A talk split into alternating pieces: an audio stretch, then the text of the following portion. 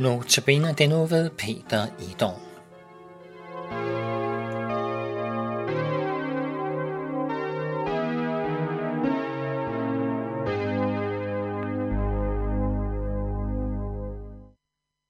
Overskriften til i dag er Ingen fordømmelse.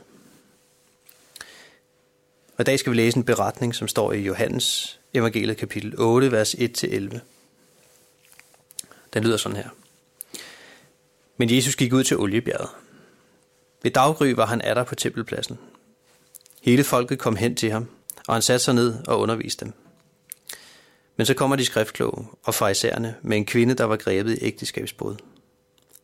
De stiller hende foran ham og siger til ham, Mester, denne kvinde er grebet på færdskærning i ægteskabsbrud, og i loven har Moses påbudt os at stene den slags kvinder. Hvad siger du? Det sagde de for at sætte ham på prøve, så de kunne anklage ham. Men Jesus bøjede sig ned og gav sig til at skrive på jorden med fingeren. Da de blev ved med at spørge ham, rettede han sig op og sagde til dem, Den af jer, der er uden synd, skal kaste den første sten på hende. Og han bøjede sig ned igen og skrev på jorden. Da de hørte det, gik de væk. En efter en. De ældste først.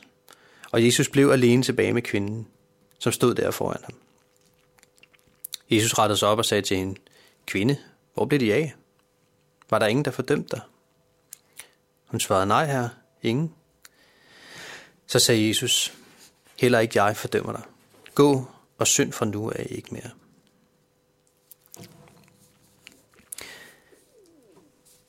Vi hører de her verser om, at Jesus, som så ofte før, sidder og underviser. Men midt i det hele, så kommer farisæerne og de skriftkloge med den her kvinde, som var grebet på færdskærning i ægteskabsbrud. Og det smider hende ned for Jesu fødder og siger, at Moseloven, som han jo godt kender, påbyder dem at stene kvinden. Påbyder dem at slå hende ihjel på grund af den overtrædelse, som hun har gjort i forhold til loven. Og jeg tænker som det første, hvordan har de fanget hende i netop den her handling? Det er jo ikke sådan, som man normalt går og holder øje med øh, sådan nogle ting. Om hvem øh, kvinder går i seng med. Men man ikke hun havde været kendt som en prostitueret. Det er i hvert fald en teori, som ikke er usandsynlig. Jeg tror, hun har levet et liv, som var fuld af prostitution og fejl og mangler. Fuld af det, som vi kalder for synd. Af den værst tænkelige slags i vores øjne. Hvordan reagerer Jesus så på hele den her situation? Er det sådan, at han siger, ah, hør nu her, farisæer, det kan da godt være, at hun måske har trådt øh, ved siden af, men giv hende lige en chance. Lad os, øh, lad os se gennem fingrene med det, så, så kan hun få en mulighed for at rette op på det. Er det sådan, han reagerer? Nej, det er det ikke. Jesus han sætter sig ned, og han begynder at skrive på jorden. Jeg synes, det er en underlig ting at gøre i den her situation. Øh, og det må være lidt svært for dem at finde ud af, hvad de skal gøre. Men jeg tænker, det er som om, at han siger til de her farisæere, ved I hvad? I har fuldstændig ret. Skyldig. Ifølge Moseloven. Med det, som hun har gjort. Så jeg kan sådan set ikke forhindre jer i at udøve den straf, som, som Moseloven siger, I skal udøve over for hende. Hvis I mener, I har ret til at udøve den straf over for hende, så gør I bare det. For hun har fortjent det. Men det han så lige gør, det er, at han rejser sig, og så siger han, for øvrigt, lad den af jer, som der er uden synd, være den første til at kaste en sten på hende. Og så bøjer han sig ned igen, som om han ville sige, nu har jeg sagt jer, hvordan det hænger sammen, nu styrer I selv, hvad I vil gøre. Og netop den sætning gør jo, at de en efter en er nødt til at smide deres sten. Ikke på hende, men lægge dem fra sig og gå deres vej. Hvorfor gør de det? Det gør de, fordi de ved godt, hvem der har ret til at dømme hende. Og det har kun den syndfri. Det har kun Jesus. Da folkene så er gået deres vej, og kvinden står alene tilbage, så rejser Jesus sig. Han kigger sig omkring, og så siger han, kvinde, hvor blev de af? var der ingen, der fordømte dig. Jeg kan godt lide den oversættelse, som den engelske King James øh, version har. Den siger sådan her, oversat til dansk. Jesus siger til hende, Kvinde, hvor blev disse dine anklager af? Fordi, jeg kan godt lide den oversættelse, fordi det er præcis situationen. Hun var fuld af synd.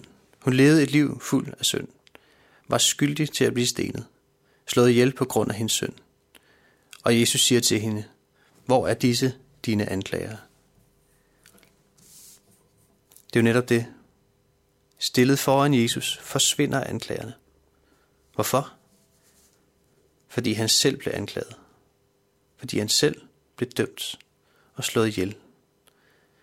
Netop for at kvinden kunne blive fri fra anklagerne. Kvinde, hvor blev de af, de her anklager? De blev hængt op på korset sammen med Jesus. Hun er blevet fuldstændig frigjort for sin søn. I kraft af hans død på korset. Du der lytter, du kender dig selv. Og du ved også, hvad der gemmer, dig, øh, gemmer sig i dig selv af egoisme og svigt. Måske også seksuelle synder som kvinden her. Du kender dem selv. Og din anklager, Satan, han anklager dig. Og det gør han med rette. Hvis det handler om dig, vil Jesus også sætte sig ned og sige, det er fuldstændig rigtigt. Han er skyldig.